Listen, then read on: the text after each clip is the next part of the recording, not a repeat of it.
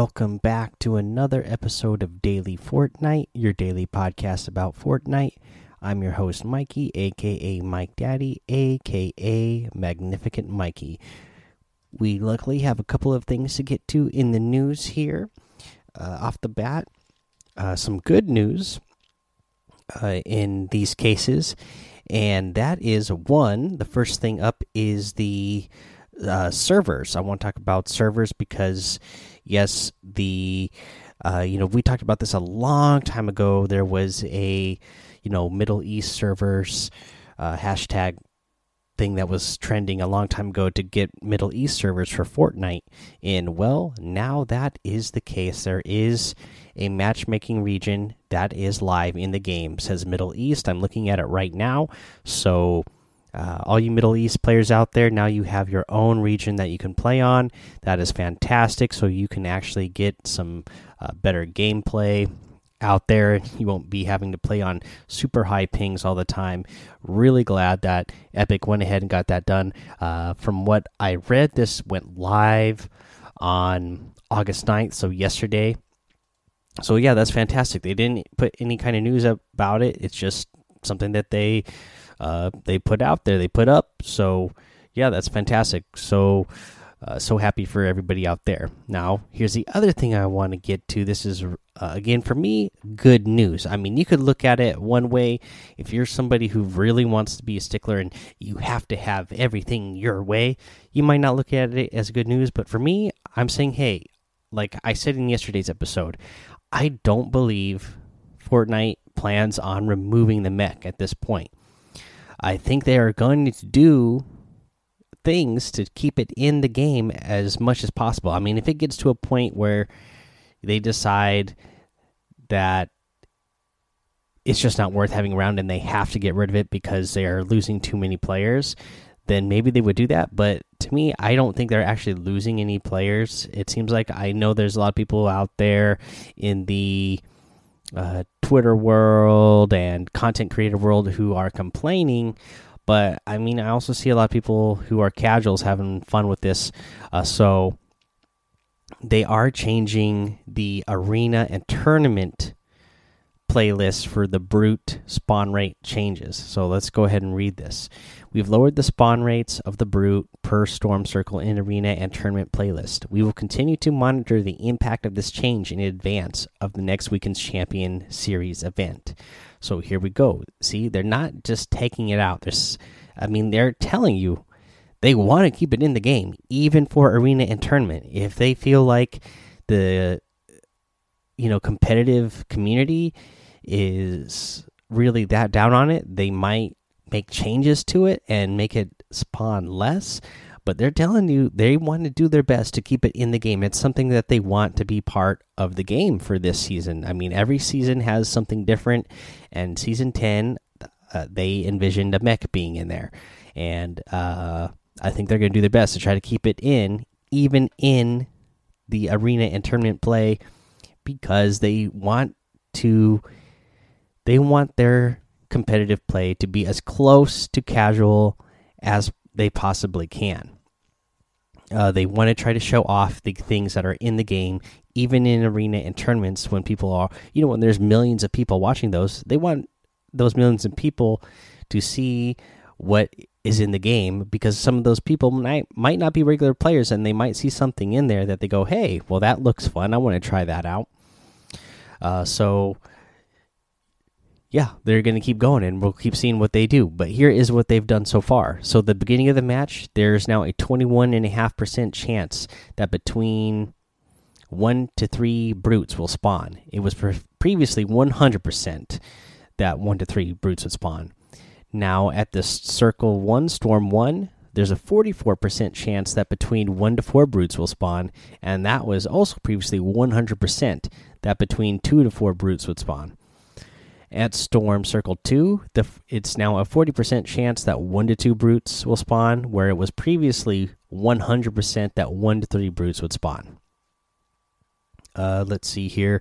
For Storm Circle 3, there's a 40% chance between 1 to 2 brutes will spawn now, whereas before it was 66% chance that 2 brutes would spawn. For Storm 4, there's a 10% chance that one brute will spawn. It was previously 50% chance. For Storm 5, there is now a 3% chance that one brute will spawn. It was previously 10% that one brute would spawn. So there we go. There's the changes. And these changes, again, are only to arena and tournament playlists. Uh, it seems like those those other numbers are going to remain the same in casual. So they are willing to make some changes. But again, you know, just from you know, we're 10 season it 10 seasons in now. So if you know, you haven't figured out that you know, Fortnite has a vision for each season and they want to try to stick to it, uh, then I don't know what what game you've been playing or what what you've been paying attention to or what patch notes you've been reading. But you know, here we go. They're making some changes. So, you know, let's let's see how this goes and let's uh, respond respond to this uh, you know, after playing for a couple days to see how it feels. I mean, some people still want the mech totally removed. Again, I don't think they're going to do that. Uh, I think this is a huge step in the right direction to make it so that they are less prevalent in the uh, competitive play.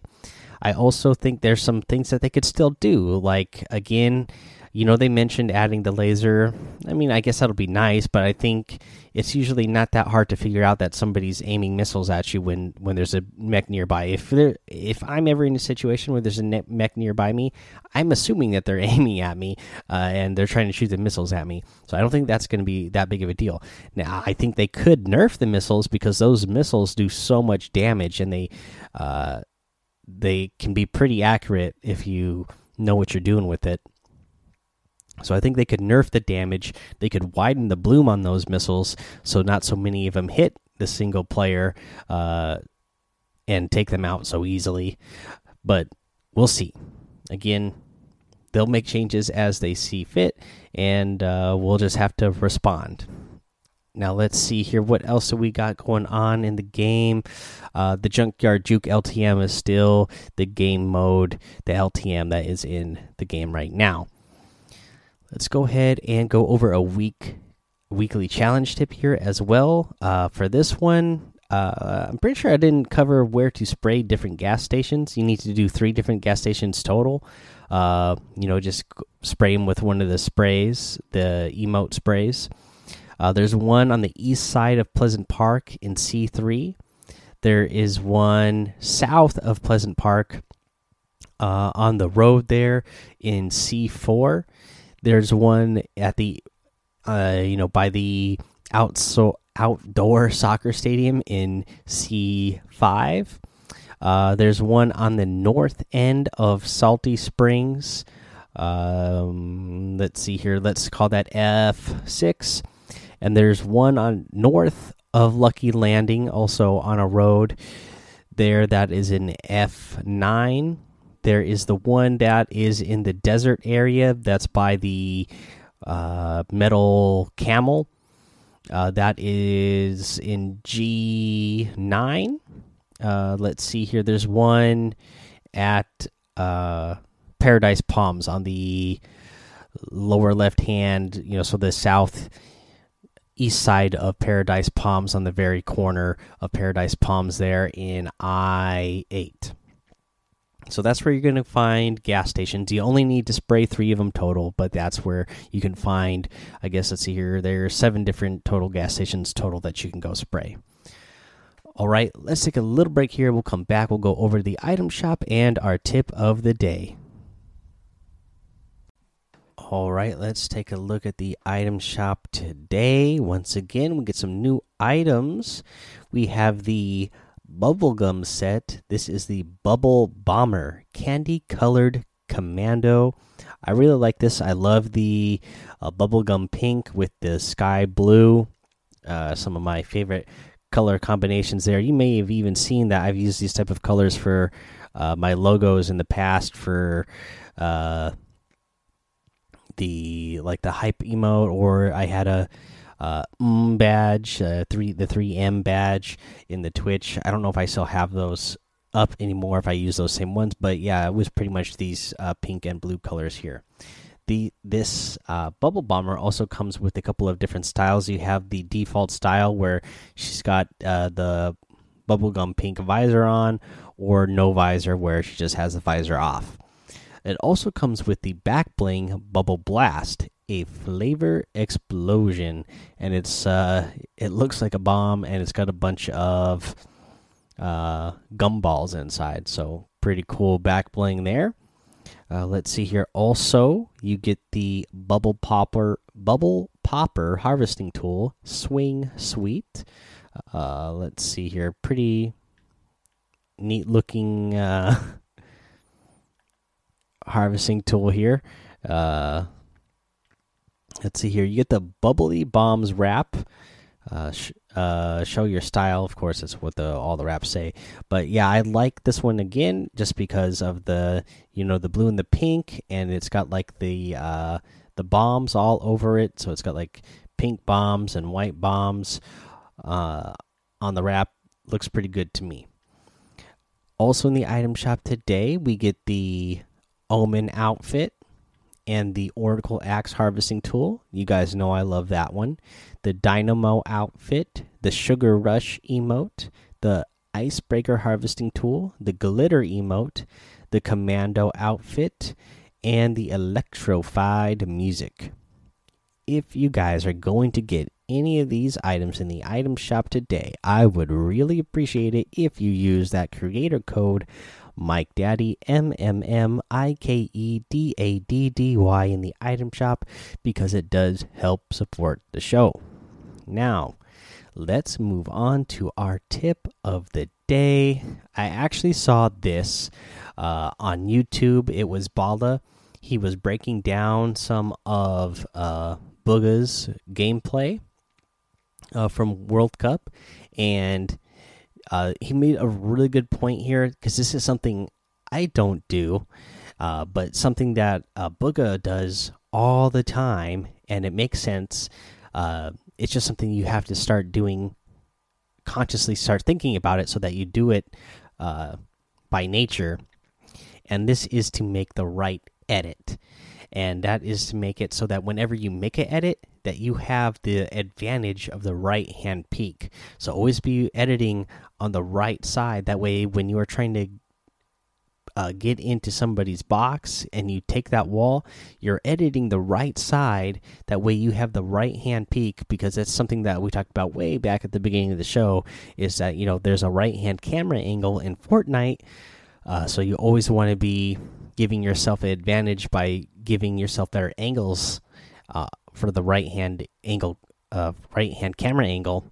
Well, you know, not just setting up yourself in good places for that, but also making yourself uh, make good edits to put yourself in that situation when you are, you know, either trying to get into somebody's box, you took a wall, and now you want to edit that wall uh, so that you can uh, eliminate them uh, you want to make that edit on the right side so that you have that uh, that way you have that advantage of that right hand peek or say somebody's trying to break into your box.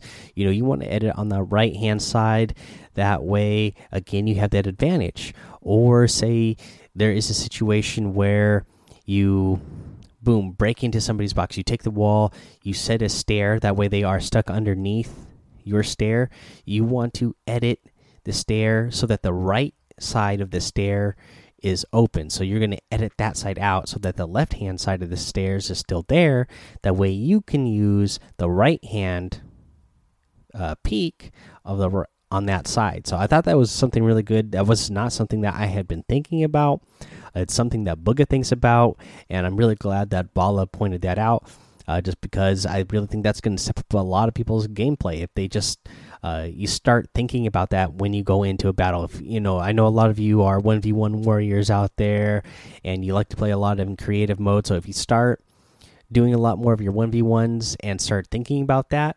Uh, when you're playing in creative and doing your 1v1s, you are going to just get that much better that much faster uh, by starting to think about that so that way it just again becomes secondhand nature to you to always put yourself in the best situation to have that right hand angle when you're making your edits Alrighty, guys, that's the episode for today. So go join the daily Fortnite Discord, hang out with us over there, and follow me over on Twitch and YouTube. That's Mike Daddy on both of those.